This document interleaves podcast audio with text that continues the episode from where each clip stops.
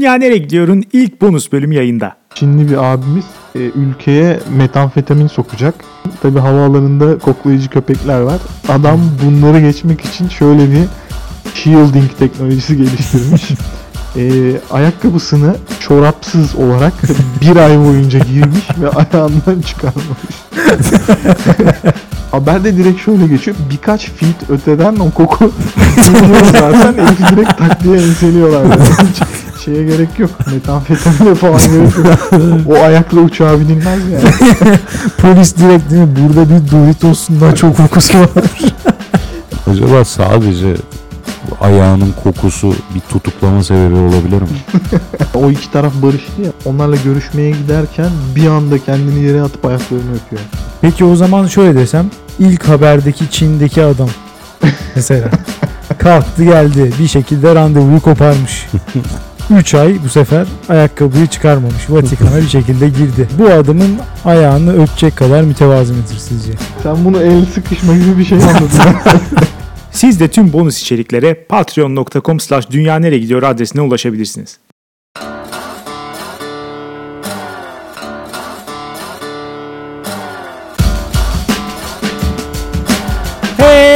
Herkese merhaba dünya nereye gidiyor hoş geldiniz ben Alex yanımda her zaman olduğu Hakan var. Merhaba. 103. bölümümüzde sizlerleyiz. Bugün bizimle birlikte geçen haftanın bölümünü çok sevdiğiniz için yine Ömer var. Desem de inanmayın. Geçen haftanın bok fırtınasını temizlemek için en sempatik arkadaşlarımızdan bir tanesi olan Eril'i çağırdık. Garantili konuk. en kabak tadı vermiş konuklarınızdan.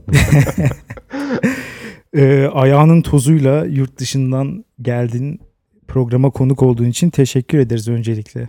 Valla bu haftanın benim için en üst seviyedeki aktivite, aktivitesi bu. Çünkü yurt dışından geldiğinizde işte akraba görmek, arkadaşları bir daha görmek. Başka hiçbir şey yapmadım yani. Şimdi de geri gideceğim yakında. Şu an bu en zevk aldığım aktivite herhalde. Bütün görevleri tamamlayıp geri Biraz öyle oluyor. Evet. vergi kaçakçılığına devam. Geçen haftanın konusu hiç gelmek istemiyorum ama mecburuz yani bir noktada bunu konuşacağız yapacak bir şey yok. Bilim fanatizmi dünyayı iyiye götürüyor çıkmış %59'la. Sizin yüzünüzden maalesef öyle bir karşı devrim yapmaya çalıştınız ki insanlar da ters tepti. Ya katılmıyorum buna. Hani %41'de katkımız vardır diye düşünüyorum. Ee, yorumlar çok fazla. Yani şu an itibariyle biz pazar günü kaydediyoruz. 28 tane yorum var. Bu zamana kadar Dünya Nereye Gidiyor'un herhangi bir bölümüne gelen en yüksek yorum sayısı. Dolayısıyla hepsini okuyamayacağım. Bu, bu hem Twitter hem site dahil hepsi mi? Hayır Twitter'dakileri biraz göz ardı ediyorum. Siteye yazsınlar. Doğru. Ya da ya da Twitter'a da yazsınlar, siteye de yazsınlar. Twitter'da biraz hararetli tartışmalar oldu.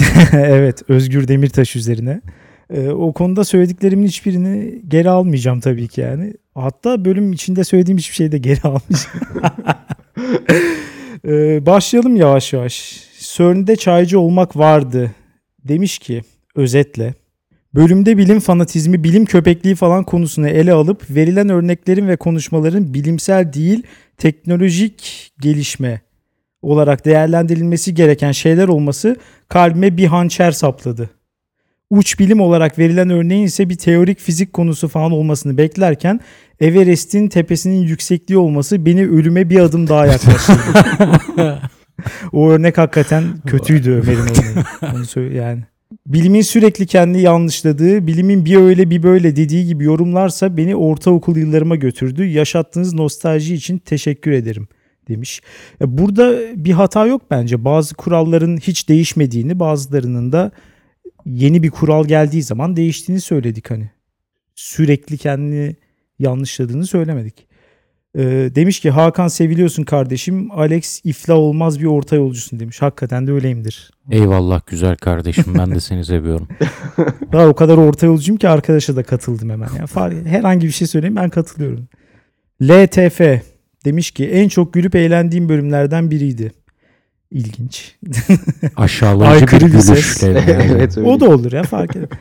Ee, konuğunuzun orta yolcu olmayan ve kendinden emin iddiaları bölüme ayrı bir güzellik katmış. Eksik olmasın demiş. Bilime harcanan kaynakla ilgili de bir ihtimal geldi aklıma. Onu paylaşmak istiyorum.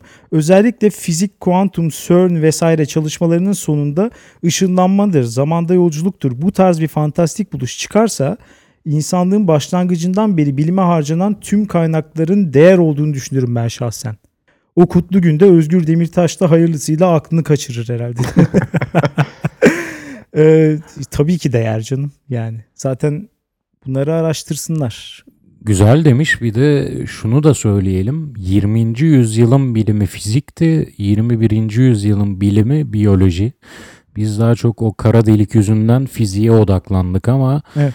E, biyoloji asıl bize bu yüzyıl şaşırtıcı anlar yaşatabilir. Heyecanla bekliyoruz. Astroloji yorumu gibi oldu. Venüs retroda biyoloji atak yapabilir. Fizik retroda. Fizik geri çekiliyor. Ama fiziği daha bir gözle görüyorsun ya herhalde ondan daha bir hep popüler oluyor. Twitter'da orada burada. Biyoloji çok çoğu insanın yorum yapamayacağı bir alan. Sen kendi klonunu karşında gördün mü bakalım gözünle görebiliyor musun? Yo öyle Teknolojiyi görürsem musun? hakikaten dibim düşer yani. Küfreden fare demiş ki bilimin popülerleşmesi kötü bir şey olarak değerlendirilemez zannımca. Evet doğru. Bilim herkes tarafından yapılamaz ve anlaşılamaz. Sıradan insanların da en azından dünyada nelerin olduğu bilmesi hoş bir olay. Biz de öyle dedik yani. Takip edin sadece. Coşmayın. Fakat bazı şeylerin magazin değerinden ötürü diğer buluşlardan önemli olmamasına rağmen çok gündem olması can sıkmıyor değil. Verdiğiniz kara delik örneğindeki gibi tek amacı bir teoriyi ispatlamak olan bir bulguya insanlar o kadar çok şey atfetti ki atom fiziğine de profesörlüğüne de lanet olsun dedirtti. Etrafında bulunan Özgür Demirtaş stereotipindeki insanlar vasat bilimsel gelişmelere o kadar çok şey atfedip etrafındakilerin kafasını o kadar şişiriyorlar ki kendilerinden uzaklaşmak zorunda kalıyorsunuz. Sonuç olarak bilim fanatizmi dünyayı ne iyiye ne kötüye götürüyor fakat kötü bir tık önde. Haklı. Çelişkili cümle. Evet, Bilimselliğe yakıştıramadım. Başta ne oraya ne buraya sonra bir tık. Bu bir tık çok şerefsiz bir kavram. Ya birine oy vermesi gerekiyor sonuçta. Çekimser olmaya gerek yok yani. Artılar eksiler hesabı yaptığı zaman Bertaraf olmamak adına. olmaması lazım evet. Bu yorumu çok sevdim. Ee, bütün bölümleri dinlemeden yorum yazan takipçi demiş ki yine özetliyorum çünkü uzun bir yorum. Biraz biyoloji bilgisi olmayan insan en iyi maymunlar insan olmuyor der. Azıcık kimya öğrenmemiş insan homeopati bokunu dinler ona inanır. Fizik öğrenmeyen insan düz dünyaya inanır falan filan. Bilim fanatikliğinin bir nedeni de insanların aptal olup çocuklarını aşı gibi bir şeyden uzak tutmasıdır. Bin kere söylersek belki bir kişi ciddiye alır da bir çocuk bu çağda o acıyı çekmekten kurtulur diye düşünüyorlar ama neyse demiş. Şimdi bu yorumu neden çok sevdim? Çünkü hakikaten keşke aşının otizme sebep olmadığını, ondan sonra keşke işte dünyanın yuvarlak olduğunu yeterince insan söylese, keşke bu konuda yeterince araştırma yapılmış olsa, keşke bu bilgilerin hepsi erişilebilir olsaydı kimse de bunlara inanmasaydı diye düşünmesi arkadaşın inanılmaz naif geldi bana.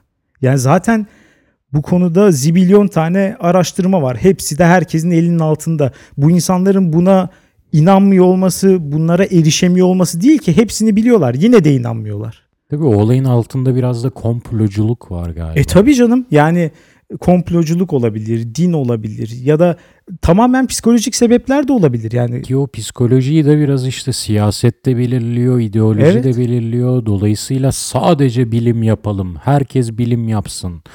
Ee, hiçbir sosyal tırnak içinde bilimlere, e, oralara yüklenilmesin tezinin de burada çöktüğünü görebiliyoruz. Ya Çünkü hem o çöküyor- oralarda eğer sıkıntı varsa bilime bakışta işte böyle komplocu zihniyete kapılıp aşıdan otizm çıkarabilir. E tabii canım yani siyasete, ideolojiye önem vermezsen George Bush gelir kök hücre araştırmalarının fonunu keser.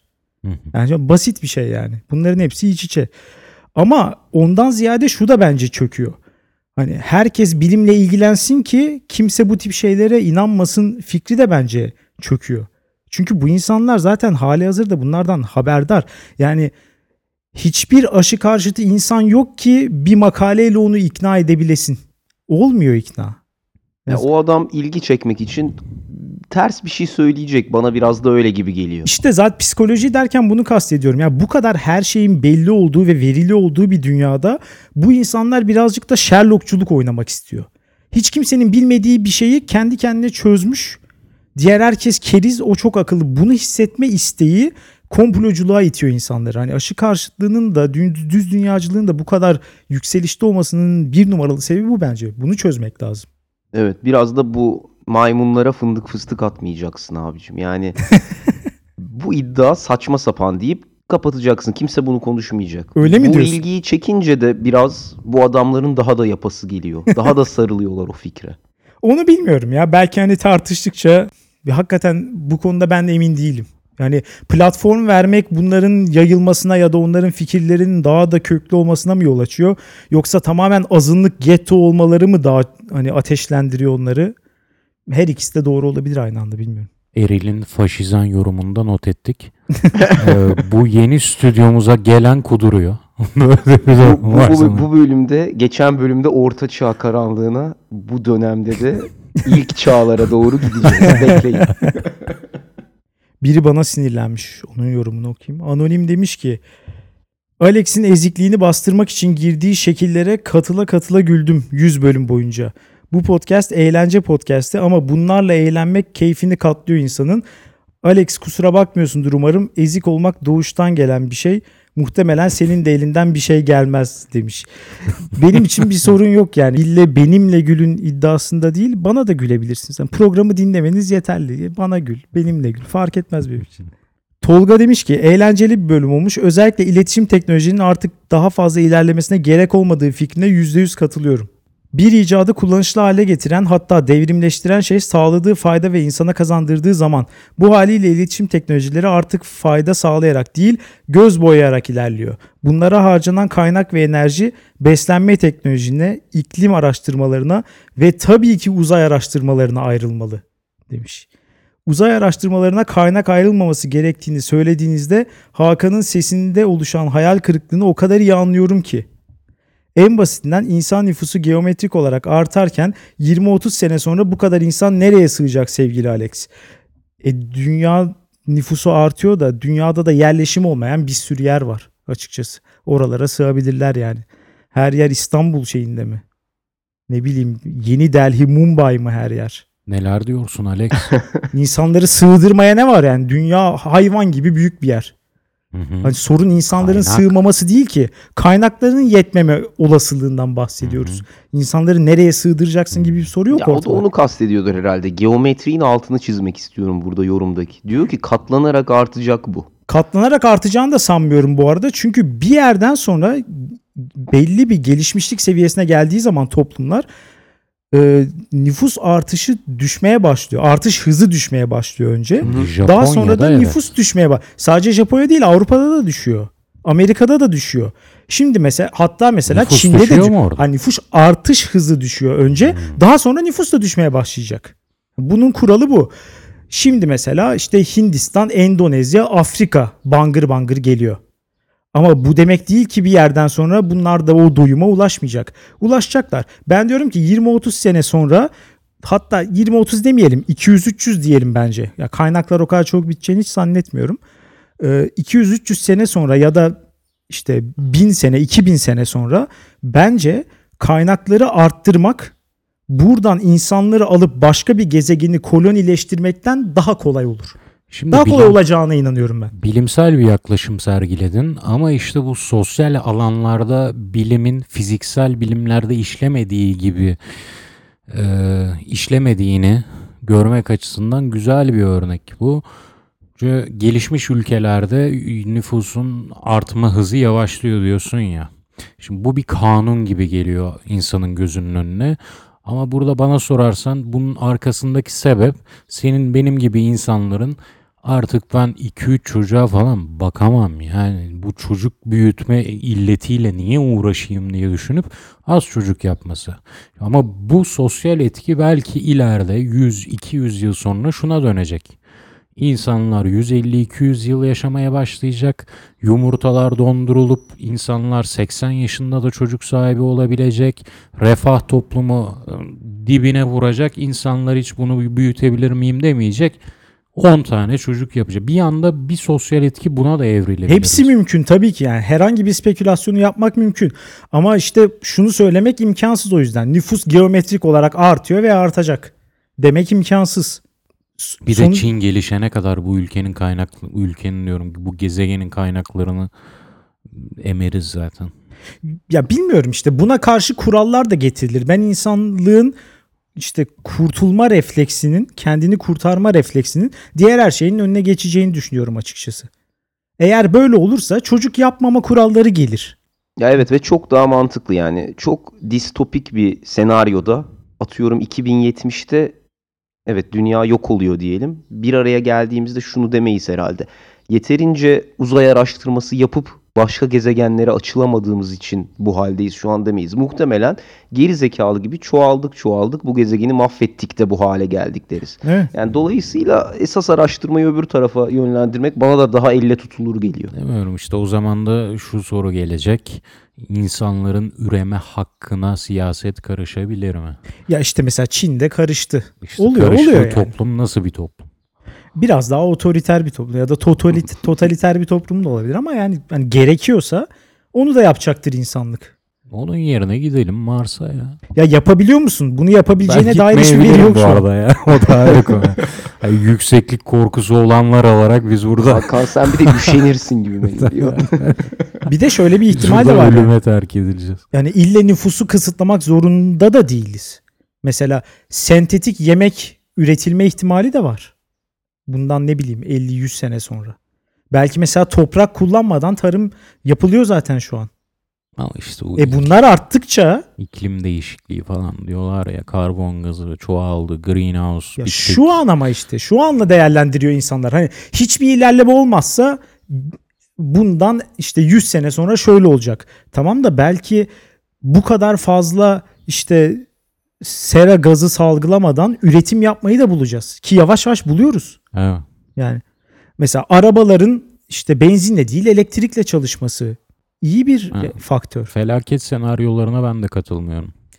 Ama bir noktada bu gezegende de durmayacağız gibi geliyor. bu da bence mesela sosyal bir- görmeyecek ama gideceğiz bir noktada. Bunu söylemenizin sebebi de bence biraz ideolojik. Yani insanların hakikaten bir yeri daha gidip kolonileştirmesi, bir yeri işgal etme isteği gibi geliyor bana hakikaten.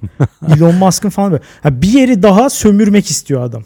Olayı bu. Ya sömürmeyi geçtim Alex. Ya şöyle bir bin, iki bin yani binlerce yıllık olarak bakınca ya burada bilmiyorum ya. Ya şunu Gideriz mu ya sırf keyfine gideriz öyle diyeyim. Ya keyfine gidebilirsin canım ama işte keyif için olur o da. Yani zorunluluk değil. Ben de onu söylemiştim. Siz uzay fotoğraflarına bakıp 31 çekeceksiniz diye rednecklerin vergilerini yedirtmeyiz yani. Eril, Doğru bu düzgün yerlere harcayın. Araya girip sormak zorundayım. Kara deliğe bakıp 31 çektin mi? Henüz değil. Şu an ama bir kafana girdi aslında Ya beni beni de o kadar heyecanlandırmadı. Yani ben Bazen- de Ö- Ömerlik yapmak istemiyorum ama yani ben de başka gezegene gitmek bizim cürümümüzü biraz aşacak gibi geliyor. Kolonileştirmek falan. Bakalım kısmet. Yani çünkü mesafeler gözümüze küçük geliyor. Işık yılı falan. Aa 25 ışık yılıymış. Gideriz gibi geliyor. Gidemeyiz arkadaşlar. Mert Türedü demiş ki biraz şey bir yorum. Zor bir yorum. Hazırlayın kendinizi. Bence bilim için insan üzerinde deney yapabilir tabii. Bazıları diyecek git deney yapsınlar diye. Ben onu demiyorum ki. Suçluları deney yapalım. Yani 3 kişi bıçaklamış, 2 çocuğa tecavüz edip 4 kadın veya erkek öldürmüş kişilerden bahsediyorum. Bu da bir kişi falandır muhtemelen. Onları tutsak edip hayatın boyunca beslemek yerine onlara deney yapmamız insanlığa daha yararlı olur. Asmayalım da besleyelim mi diye deney yapmayalım da besleyelim Evet. mi ya Yine çevirerek. beslemek zorundasın tabii deney yapmak Evet. için de. İlerici bir faşist kendisi. O bakımdan tebrik ediyorum. ya her faşist ilericidir bakma. Bunlara prim vermemek lazım. Yani yoksa zaten faşistin elle tutulur hiçbir yeri kalmıyor. Hem ilerici değil hem de faşistse adam sadist zaten. Sadece acı vermeyi seviyor yani. Anonim demiş ki ne kadar herhangi bir yere ait olmak isteyen sahipsiz ezik varsa buraya toplanmış. Yorumları görünce çok şaşırdım. Bu ülkede bir tabağa sıçıp önüne koy yine yer insanlar. Bok gürmelerimiz bile olur. Celal Şengör. Mesela yemiş. bir de Patreon'dan dilencilik yapıyorsunuz. Ciddi ciddi destek atan da var. Allah akıl fikir versin. Bu vasatlıkla muhakkak çok ünlü olursunuz. Birkaç bölüm önce osuruk mizahı da geldi zaten. Çapınız budur. Bizim millet de bayılır size. Yorumu. Ee, hakikaten garip bir yorum. Niye İnşallah. neden bu kadar sinirlenmiş? Hakikaten bu yorumu okuyunca ilk kez bu podcast'a başladığımızdan beri gerçekten ünlü olma ihtimalimiz varmış gibi hissettim.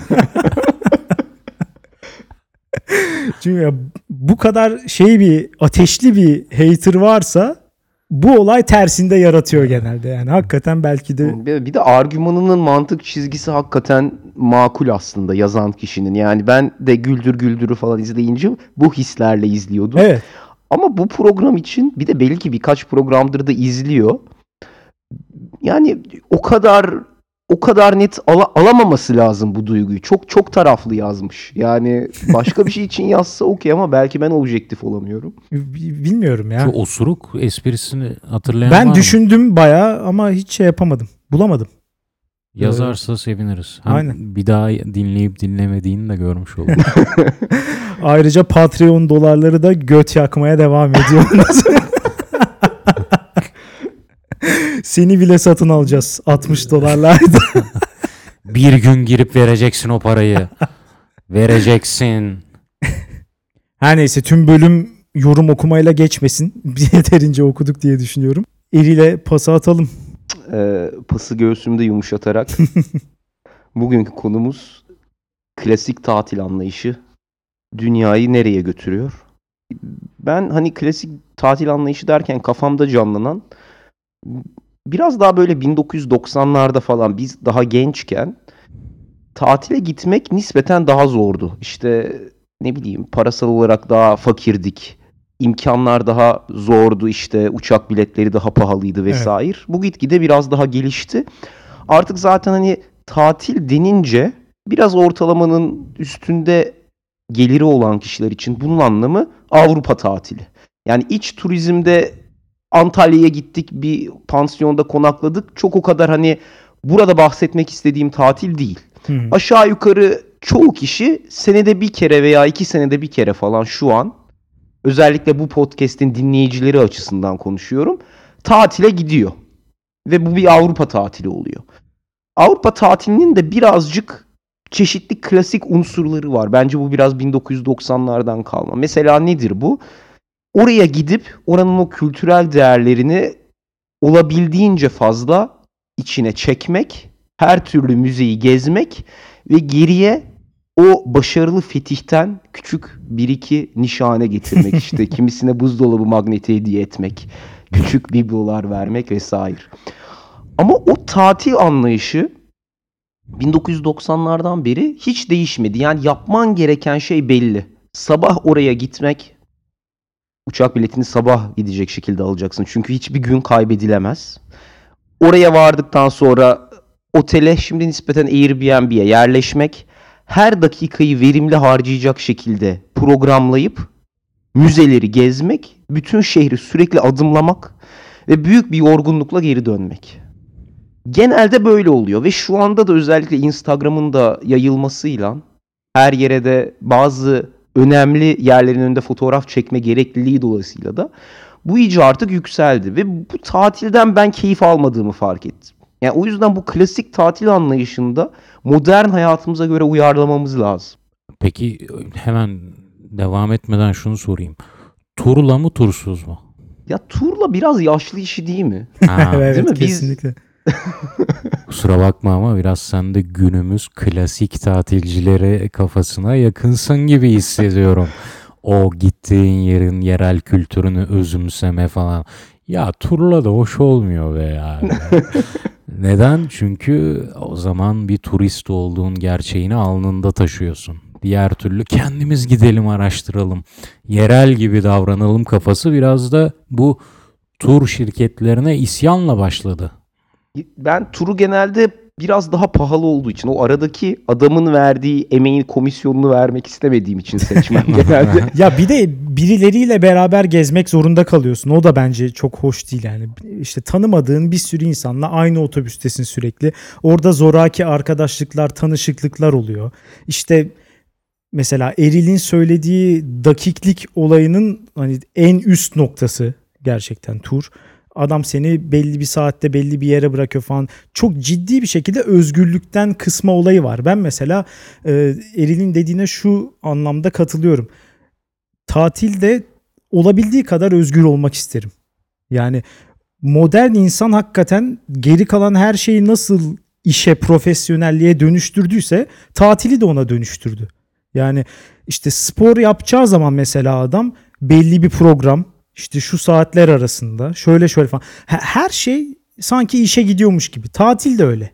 Yani bir liste var. O listedeki her şeyin üzerini çizmemiz gerekiyor. Muhakkak işte gidilmesi gereken yerler var. Neden muhakkak gidilmesi gerektiğini sorduğun zaman da altında yatan çoğu zaman şey oluyor işte. Ya daha önce gidenlerin oraya sıklıkla gitmiş olması, oraların popüler yerler olması ya da mesela geri döndüğün zaman insanların sana sorması bunu. Hmm. İşte şuraya gittim diyorsun. İşte Paris'e gittim diyorsun mesela Notre Dame'ı gezdim mi? Gezmedim dersen ayıplanıyorsun. Ayıplanacağın düşüncesiyle de geziyorsun. Neyse ki o dertten kurtulduk. En azından bir süreliğine. Bu arada şimdiden uyarayım alternatif tatil anlayışınızı soracağım.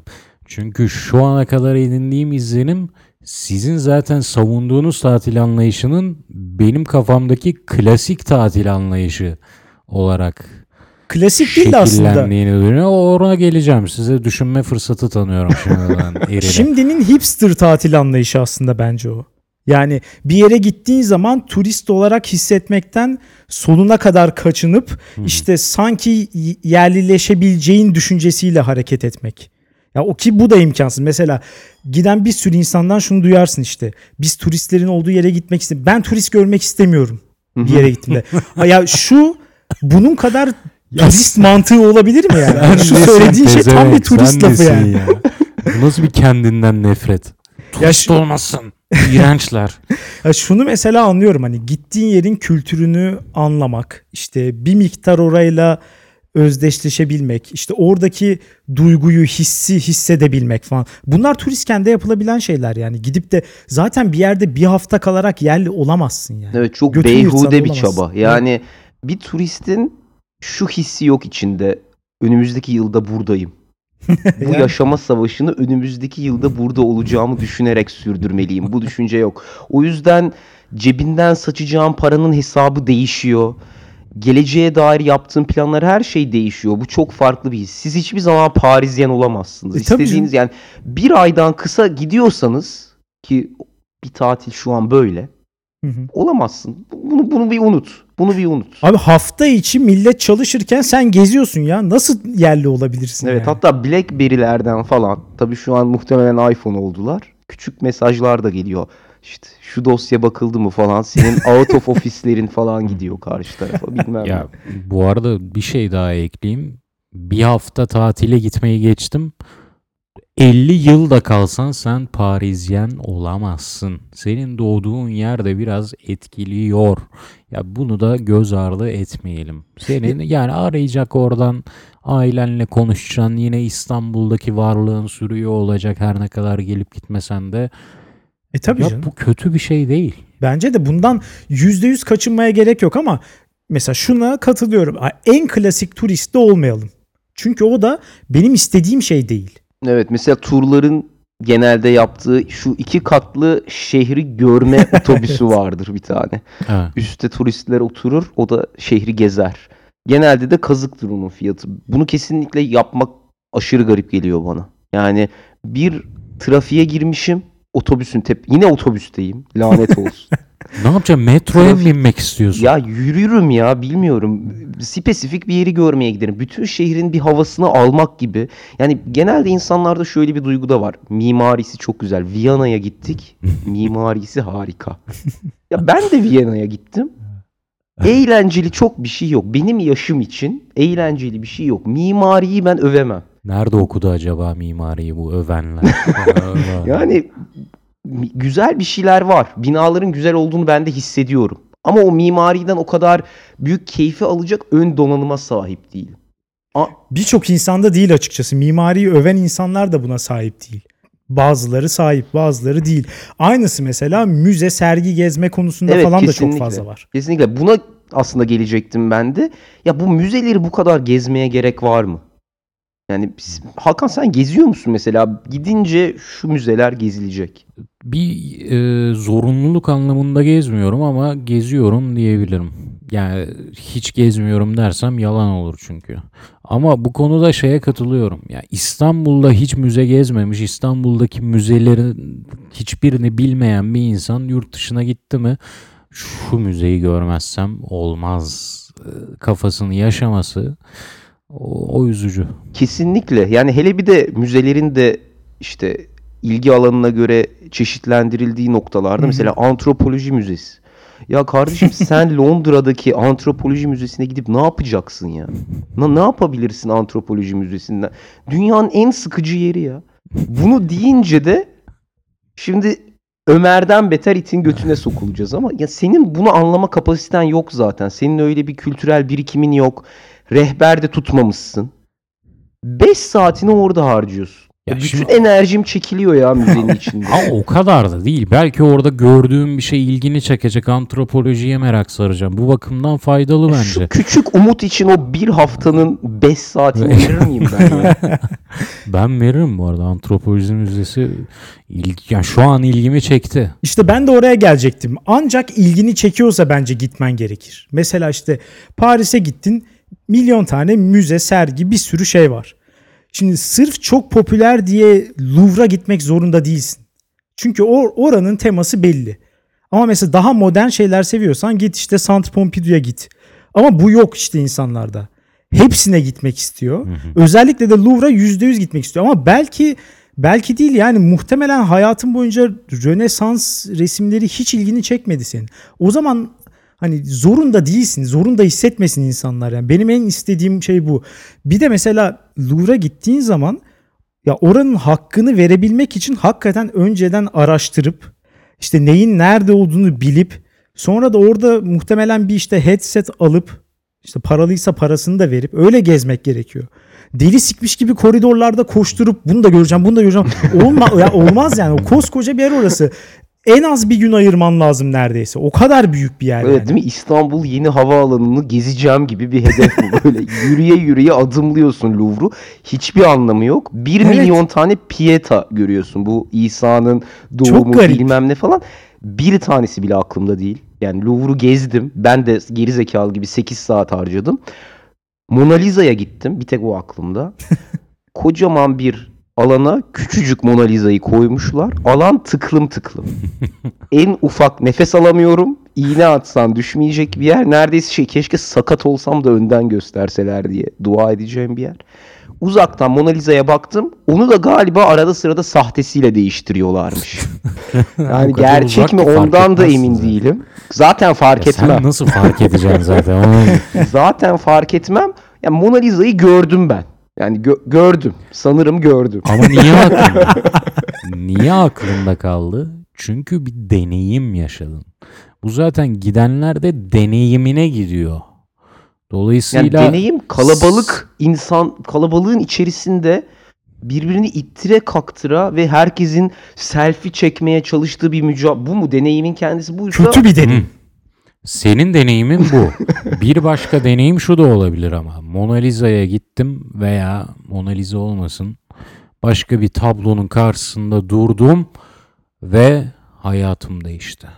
Çok romantize ettim tamam. Biraz bir Orhan Pamuk'a kaydım. Bir kitap okudum hayatım değişti ya ama deneyim sonuçta. Hani bir şey kalmadı aklımda diyorsun ya deneyim kalacak hakkında. Aklında. Ama şimdi otel odasında oturup uyumayıp yaptığın diğer her şeyde bir deneyim zaten yani. Evet oradan biraz alternatifine gelelim mesela. Ya hayır mesela işte o yüzden baştan zaten neye ilgi duyuyorsan ona gitmen lazım. Yani hiç müze gezmemek değil olay ya da hiç sergiye gitmemek değil. Ama muhakkak birin diğerinden daha çok beğeniyorsundur. Birine Ama daha biraz da yakın ot- hissediyorsundur. Ot, gibi yaşıyoruz abi Türkiye'de. Yani neye ilgi duyuyorsun diyorsun. Aklınıza şu an bir müze teması geliyormuş. Şu müze temasına çok ilgi duyuyorum. Mesela Amsterdam'da seks müzesi koymuşlar. Herkes gider. ne bu saçmalık ya? Seks müzesiyle senin ne alakan olabilir? Ama abi? oranın teması, şehrin teması günah olduğu için. Sodom ve Gomorra olduğu için. Evet, şehri içine çekmekten bahsediyorduk. Orada Ya bu- Amsterdam'da bu be- belli ki turist turizm. trap dedikleri bu turist tuzağı. Yani kesinlikle seks seksin müzesi falan olmaz. Geçin bunları. Bundan keyif alacak bir insan olamaz. Louvre'daki Rönesans eserlerinden de sadece o eserleri gidip üniversitede çalışmış okumuş böyle toplumun o 10 binde biri belki. Yani biz değil. Bu arada ben şuna da okeyim. Mesela Paris'e gideceksin tamam mı? İşte hakikaten normal hayatında da herhangi bir tanesi ilgini çekmiyor. Oradaki müzeleri açıp bakarsın. İşte Orsay var, Pompidou var, bilmem ne, Louvre var. Bir milyon tane şey var. Bakarsın hangisi ilgini çekiyorsa mesela kat planları var. Hepsi internette interaktif. Hani her şey var. Hatta zaten e, şeyler de var. Resimler de var internette. Bakıp çalışıp da gidebilirsin mesela. Eğer ilgini çektiğini hissediyorsan. Ya bu adama hiçbir şey demem zaten. Ama Evet, bizim normalde güzel. şöyle oluyor. Cuma mesainin sonundan 1-2 saat önce çıkabilir miyim diye üstten izin alınıyor. Bavulla havaalanına gidip Paris'e iniliyor. Evet. Sonrası bir mücadele sürekli. Hiç kimse bir şey bilmiyor. Kesinlikle. Ofisteki arkadaştan kulaktan dolma bir liste yapılmış. Herkes aynı yere gidiyor aslında. Arkadaş tavsiyesi en kötüsü gerçekten. Ya ben benim tatilde en sevmediğim şey arkadaş tavsiyesidir açıkçası. Ya ben ona düşmemek için mesela rehber satın alıyorum internetten. Bu Lonely Planet falan onların rehberleri var. Mantıklı. Adam zaten şeyi de yapmış hani bir gün gezeceksiniz şunları gör. iki gün gezeceksiniz bunları gör. Üç gün. Ya bir tane insana bir yabancıya para vermişler. Sen bir yıl burada yaşa bunun rehberini hazırla diye. Şimdi bu adamla ofisteki senin arkadaşın rekabet edemez. Senin arkadaşın yine bir başka turist tuzağına düşüyor aslında. Pardon ben anlayamadım. Tur şirketlerine laf ediyordun ama internetten kendin girip lokal bir rehber satın alınca okey mi? Lokal rehber kişi değil bu. Kitaptan bahsediyorum. O konuda anlaştık değil mi? Ha kitap satın Evet, alıyor. Evet, kitap, evet. dijital kitap satın alıp okuyorum. Ha, nispeten. rehber deyince direkt Yok hayır insan hayır. gözünün Çünkü zaten önüne- rehberin problemi Aa. kendisini biraz ister istemez ortalama adama göre ayarlamak zorunda o. Yani senin niş zevklerine yönelemez adam orada 20 kişiyi yönetiyor çünkü. Yapacak bir şey yok. Elinde böyle saçma sapan bir işaret e, banner'ı ne denir ona önde yürüyor. Geçtiği tarihi eserleri vesaire anlatıyor saçma sapan. Sen de güruhu takip ediyorsun. Ben Çok alabileceğim bir şey yok. Ben Çinli turist olmak istiyorum. Ya, turistleri şöyle bir skalaya oturtursak bir yanda Çinliler ve uzak doğulular diyebiliriz genel olarak. Evet ama Japonla galiba ayırdığına girecek miyiz? O önemli. Japo- Japonla ayırdı nasıl oluyor? Ya sanki Japon'da hakikaten bir kültür aşkı var. Yani bir de şey derler ya işte bir Japon senede şu kadar kitap okur. Bir Türk böyle Evet. onun yüzde birine falan denk düşen onun da muhtemelen yani. Ama Japonlar da sanki bir istilaya gelmiş gibi turist gezmiyorlar mı? Böyle topluluk halinde geziyorlar. Evet toplu geliyorlar. Ya- Elde ışık. Şeylerle Japon ve Çinlilerde şöyle bir olay var. Hep böyle e, kültür turizmi yapıyorlar daha çok. Mesela deniz, kum, güneş tatilinden nefret ediyorlarmış. Hı hı. Dolayısıyla hani o, o tip tatillere Çok yoğunlaşıyorlar. güzel böyle 1700'ler 1800'ler farklı kültürleri keşfe çıkmış bilim insanları gibi. Bir uçta bunlar var. Diğer uçta da Avustralyalı turist konsepti var. Hmm, evet doğru. Backpack'li yani sırtta çanta, Hostel. Aynen öyle. Hostel gezip Bayağı kötü bu arada. Çok pis koşullarda kalmam lazım. Bunu kendine bir düstur edinmiş. Bir skalanın diğer ucunda da bunlar var. Ben Çin'e, Japonya'ya daha yakınım. Ama onlar da hakikaten bir görmemişlik var. Yani mesela çok senin beğenmeyeceğin vasat bir operayı her anını kayda alabilir. Her şeyin fotoğrafını çekebilir. Şeyi bile çekiyorlar ya. İstiklal Caddesi'nde Kızılderililer var ya abidik gubidik bir şey. evet doğru. Onu bile çekiyorlar. derken yapmayın. Özbek, Tacikistan onlardan İşte bahsediyor. kıyafet kıyafet olarak Kızılderili. Şeye ne diyorsunuz mesela? Ben şu an şunu anlayışa da çok karşıyım. İşte tatile gidip geldikten sonra böyle öve öve bitiremeyenler. İşte hayatım değişti. Ondan sonra ne bileyim işte çok ciddi bir tecrübe oldu benim için. İşte vizyon kelimesini kullananlar falan. Ufkum açıldı falan. Ya sanki bunlar da birazcık hani fazla görmemiş ve çok ekstrem hevesli insanlar gibi geliyor gerçekten. Evet ama şöyle bir de bir tabir var ya Avrupa görmüş insan. Türklerin böyle bir tabiri var. Ya Bu görmüş hala ama sürüyor mu ya? ya ben de duyuyorum. umut ediyorum. Yani çok çok saçma. Yani o hani dediğimiz bir ay kalarak Parisyen olamazsın dediğimiz şey ya Avrupa görmüş insanın en az 10 yıl orada yaşamış olması lazım bence. E tabii canım. Yani şu an normal tatile gidene de Avrupa görmüşe biraz sokuyorlar gibi. Ama o vizyonum değişti falan. Ben bir tatilin öncelikle negatifliklerini duymak istiyorum. Paris'e gittin neler kötü. ne acılar çektin. Seni sallamayan taksici. İşte metroda seni soymaya çalışan Afrikalı kardeşlerimiz. Koluna bilezik takıp para isteyen falan. Metroda sana bakıp 31 çeken insan. Bir de mesela şey de var son zamanlar. Ta, yani tatillerin, seyahatlerin giderek daha fazla fotoğraf odaklı hale gelmesi. Evet. Dolayısıyla Instagram sadece sağ olsun. Evet, aynen. Dolayısıyla sadece güzel gözüken yerlere gidilmesi. Evet, mükemmel bir tatil geçirdiğine insanları aslında ikna edebilmek için aşağı yukarı 5 saate falan ihtiyacın var. Gerekli metro biletlerini falan alırsan Paris'te tık tık tık tık tık Eyfel Kulesi'nin önü, tak Notre Dame'ın önü, tak Louvre'un önü falan. Birkaç tane de şey böyle işte garip renkli kapıların önünde fotoğraflar. Evet, merdivenler Aynen. falan. Yani ama işte her zaman bir şeyin dışarıdan güzel ya da fotoğraflanabilir gözükmesi hani onun güzel olduğu anlamına gelmiyor. Orada iyi vakit geçireceğin anlamına gelmiyor. Ben mesela işte baştan sordum ya alternatif tatil anlayışınız nedir? Biraz Hı hı. ona da girmek gerekirse Hı hı. ben sadece şuna bakarım. Orada geçirdiğim zamandan keyif aldım mı? Eğlendim mi? Buna bak ben bunun için gidiyorum. Ekstra bir daha ulvi bir amacım falan yok. Çünkü zaten birazcık gezdikten sonra fark ediyorsun ki o kadar da farklı değil hiçbir yer. Gittiğin yer bir işte şimdi Avrupa kentlerinden konuştuğumuz Evet. için Avrupa şehri aşağı yukarı Aynen, hepsi aynı. Ortasında bir kilise, Nehir. nispeten temiz, evet, nehir, temiz sokaklar falan. Sokak çalgıcıları yer yer yaz ise. Belki bisikletle ulaşım tadında tatlı turist çeken Evet. küçük aktiviteler. Bunun dışında çok fazla bir şey görmene imkan yok. Bir de müzeler var. Yani. E, Bir yeri böyle haldır aldır gezmek, o kiliseyi de uzaktan göreyim, şu bazilikada olmazsa olmaz falan yerine hakikaten hani iki sokağın kesiştiği bir kafede, pub'da dışarıda bacak bacak üstüne atıp bira içip etraftan geçen insanları izlemek daha çok keyif verir bana açıkçası. Kendimi heder edemem yani tatile gittim diye.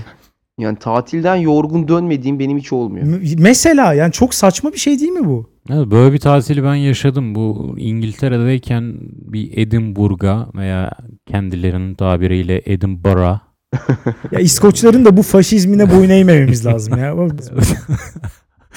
Edinburgh'a gittim. İşte bir tane kale varmış sanırım. Mutlaka görülmesi gereken. Baktım sıra var. Girmedim. Başka bir tane bir yer daha vardı. Baktım gerek yok. Bir tepeye tırmanış vardı. Tek Biraz tek bir mi geziyorsun bu sırada? arkadaşlarla. Çünkü, ama çok iyiymiş arkadaşların. Onlar Yani ben şey gitmiş. yiyorum. Öyle bir Evet. sıkıntı var. Onlar gitmiş önceden Ha. kaleyi de görmüş. Her şeyi yapmışlar. O yüzden biraz daha rahatlar. işte bir tepeye tırmanalım dedik. Dedim beni aşar bu yükseklik. İndim aşağıda kafede oturdum. Nitekim bütün Edinburgh tatili boyunca viski içtim. Ve çok eğlendim. İşte bu ya bu kadar abi. Hakikaten bana da zevkli geldi bu mesela. Ya bu eğer bundan keyif al ama mesela belki de o kaleyi gitmeden önce gördün ve aşırı heveslendin. Bir kere de yakından görmem lazım. O zaman mesela ona giderdin zaten. çok ilgini çekseydi giderdin yani. Doğru diyorsun ama bu zor ve bunu yapmak zor. Bundan bu vazgeçiş, bu zorunluluklardan vazgeçiş zor. Peki o esas konuyu soracağım size. Tatile gittin mi sabah erken kalkmak zorundasın sorusunu. Alternatif tatilde buna çözümünüz var mı? Çünkü benim durumum şu. Ben de bunu çok eleştirdim. Yani tatile gittin mi neden sabahın köründe kalkmak zorundasın? Tatil senin rahatlamak için yaptığın bir şey değil mi? Niye kendine böyle bir zulmü yapasın diye. Fakat çözümünü de bulamıyorum. Hakikaten tatile gittin mi öyle kalkıp bütün günü de yemiş halde uyandın mı kötü de hissediyorsun. Dolayısıyla ben bu çelişkiye bir çözüm bulamadım. Bu çelişki altında gitgide tatillerden soğumaya başladım. Yani tatil konseptinden soğumaya başladım. Sizin bir çözümünüz var mı buna? Ya bence birinci gün ben müsamaha gösteriyorum hem kendime hem arkadaşlara. Birinci gün öğlene kadar uyuyabiliriz. Ne, ne noktada herkes hazır olursa o zaman çıkalım. Ama ikinci günden itibaren abi 6 saat 7 saat uyku muhtemelen almış oluyorsun. 2'de 3'te yatağa girmiş olsan bile 9 oluyor yani. Sabah 9'da kalk. Hmm. Ya bu, bu çok kötü mü? Ben ben Hadi artık 9 değil 10'da kalk. yani yani öğleni yedirmem gerçekten. O da o da hakikaten bir müsriflik artık. O kadar da Parisyen değiliz. Hiçbir zaman olamayız. yani belli bir seviyede kalk makul uykuyu aldıktan sonra ideal tatilde de biraz gez. Ama belli bir tema Evet. içerisinde bugün şundan keyif alacağız ve oradan keyif alırsak orayı da bırakmayacağız. Orada da oturalım. O kafede Bu da çok önemli. 6 saat daha oturalım ya. Evet. Madem çok güzel, hava da çiçek gibi. Oturalım burada. Bir çözüm buna zaten katılıyorum da bir çözüm önerisi de şu olabilir. Biraz daha geniş geniş planlamak. Mesela işte burası 4 günde gezilir diyorsan 5 ya da 6 gün orada kalmak. Evet. Dolayısıyla geç kalmak da seni rahatsız etmeyecektir böyle geç kalkmak. Orta sınıf tuzağı diyebileceğimiz. Çünkü paramız az ya bizim. Evet. Planları da hep öyle yapıyoruz. İşte 3 günümüz var. 2 günde Portekiz gezsek bir günde Madrid'e gideriz. Mesela ya bu da kötü bence. Şöyle olacağına mesela hakikaten Madrid'i de görmeyebilirim yani. evet evet. Yani iki tane anlamsız anı yerine bir tane özümsediğin güzel anı çok daha makul bir senaryo. Kesinlikle. Ama ne biliyorsun özümsediğin güzel anıyı bulacağını? Ya tabii ya belki her zaman bir şans var. Tatil o yüzden. Yani macera aranır ya. Macera arayışı bu yüzden güzel. İyi de çıkabilir, kötü de çıkabilir. Ama bence kötüye çok yakın satıyoruz biz tatilleri. Kötü ihtimalini çok arttırıyoruz. Şu acele, şu çaba sanki zenginmişsin gibi düşüneceksin. Mesela Katılıyorum buna. Koç'un oğlu ne yapar muhtemelen? Uçağını alır, istediği yere tatile gider, istediğinde de döner. Ve orada da istediği otellerde istediği kadar kalır. Rahmi Koç öyle dünyayı gezdi ya. Muhtemelen. Dünya turu attı. Şimdi tabii ki onu biz %100 taklit edemeyiz. Bir sürü şeyde eksiklik olacak. Ama bir ruh olarak. Fakir olmayı bırakın ya. Paris Hilton'un üstüne giydiği bir tişört vardı böyle. Fakir olmayı bırakın. Zihniyet olarak en azından. Bir de mesela burada şey de var bence hakikaten. Rekabet diğer insanlarla. Di- diğer gidenlerle. Ben orayı daha iyi gezdim. Hani sanki daha iyi gezmek diye bir şey varmış gibi. Bunlar tamamen sübjektif şeyler işte yani. Sen gittiğinde zevk alıyor musun? Kaldığın süreyi iki sene sonra güzel bir şekilde yad edecek misin? Ben buna bakarım yani. Kimle rekabet ediyorsun? Evet. Bir de bence güzel anmanın da en büyük sırrı herhangi bir gittiğin yer, içtiğin, yediğin yemek falan değil. Genelde insanlarla yaptığın o ilişkindeki alışveriş oluyor. Yani arkadaşlarınla nasıl bir gün geçirdin? Çok güldünüz mü birlikte? Evet. Ya da mesela birlikte bir aktiviteye katıldınız mı? Yani muhtemelen mesela çoğu kişi yapmıyordur ama yüksek bir dağın tepesine çıkmak, hani bir hedef olarak bunu koymak belki iyi bir aktivite olabilir. Çünkü kendi içinde zaten tatilin bir teması var. Bir şey başarmaya birlikte arkadaşlarınla yola çıkıyorsun. Daha çok şey paylaşıyorsun belki. Çıkamadan dön en tepeye önemli değil. Yani birazcık insanlarla yaşadığın o anın keyfini o insanlarla nasıl geçirdiğin hiç kimse bunu değerlendiremez. Bir tek sen kendi arkadaş çevrenle bunu değerlendirebilirsin. Beni gerdi. Tatile çıkmayalım. Ben Eril'le bir tatile çıkabilirim şu an. Bakalım iyi anlaşacak mısınız? Tatilde tanırsın diye bir laf var ya. Bu da hiç- acayip doğru bu arada. Evet, evet, Niye ta- öyle oluyor bilmiyorum bu arada. Mesela aynı evde yaşarsan tanırsın falan değil. Bence işte o tatildeki orta sınıfın para kaybetme hissi o insanların psikolojisini etkiliyor. Onu da yapacağız, bunu da yapacağız. İşte sen benim yemeğimi yedin, yemeğimi. Yani o küçük şeyler çok ciddi bir arada sorun çıkarıyor insanlarla. Ya mesela biri faşistlik yapıyorsa benim için imkansız onunla tatilde iyi anlaşmak. Yani şimdi şu yapılacak faşizmi. Ama yapmazsan da o da mutsuz oluyor mesela tatilin geri kalanında. Yani ya İşte- sen mutsuzsun ya o mutsuz. Katılıyorum. O yüzden onunla tatile çıkmak istemem. Yani belli ki biz uyumlu tatilciler değiliz. Yapacak bir şey yok. O yollarımızı ayırmamız gerekir Evet, yani. evet. ama normal hayatta da iyi arkadaşken suratına da bunu söylemek çok zor. Sen faşistsin demek mi? Ya hayır yani üstü kapalı bile söylesen ya ben seni çok seviyorum ama tatile çıkmayalım. ya on ya da kararı ona verdireceksin. Yani diyecek, ben, senin mu? evet, ben senin dediklerini yapmayacağım. Hani buna göre davranacağım diyeceksin. O da seninle tatile gitmek istemeyecek. Anladım. Önceden belli olursa tabii. Yani Bir kereyi feda edeceksin. evet evet. Bilemiyorum ben bu dayatmalardan çıkabilecek sürprizlere de açığım. Ya her şeyden bir şey çıkabilir ama yani hakikaten şansımızı çok düşürüyoruz böyle yaparak. Yani yoksa kapıdan dışarı çıktığın anda zaten her şeye açıksın. Her an her şey olabilir. Ama hani biz keyif alma ihtimalimizi, başımıza güzel şeyler gelme ihtimalini ne kadar arttırabilirsek bizim için o kadar iyi olur diye düşünüyorum. Ve konuyu oylamaya sunuyorum. Eril konuyu getiren olarak ne diyorsun? Ben başından beri dediğim gibi hani anlattığımız sınırlar içinde kalan tatiller dünyayı kötüye götürüyor. Hakan. Anlattığımız sınırlar içinde kalan tatiller dünyayı iyiye götürüyor fakat tatiller dünyayı kötüye götürüyor. İyi bir tatil mümkün değildir diyorsun. Evet. Bu bir imkansızlık. Şey peki daha önce konuştuğumuz izin alıp evde oturma tatili. Güzel. En azından o var elimizde. Ee, ben de klasik tatil anlayışını beğenmiyorum. Dolayısıyla kötüye götürüyor diyorum. Ama tatillerden henüz komple ümidimi kesmiş değilim. Bazen güzel de olabiliyor. Ee, diyerek sizden de yorumlarınızı dünyanereyegidiyor.com'a bırakmanızı rica ediyorum. Bu sefer geçen bölümkü kadar acımasız olmayın. Yorumları okuyunca yani Hakan seni bilmiyorum ama ben üzülüyorum yani. ben de üzülüyorum. Üzerimde hiçbir etkisi Ya yokmuş şu gibi davranmak dilenciliği de istemiyorum. yapmayın ya adamlar yazsın işte. Yazsınlar canım. Ya. Zaten kötülerin hepsini okuduk daha ne yapalım.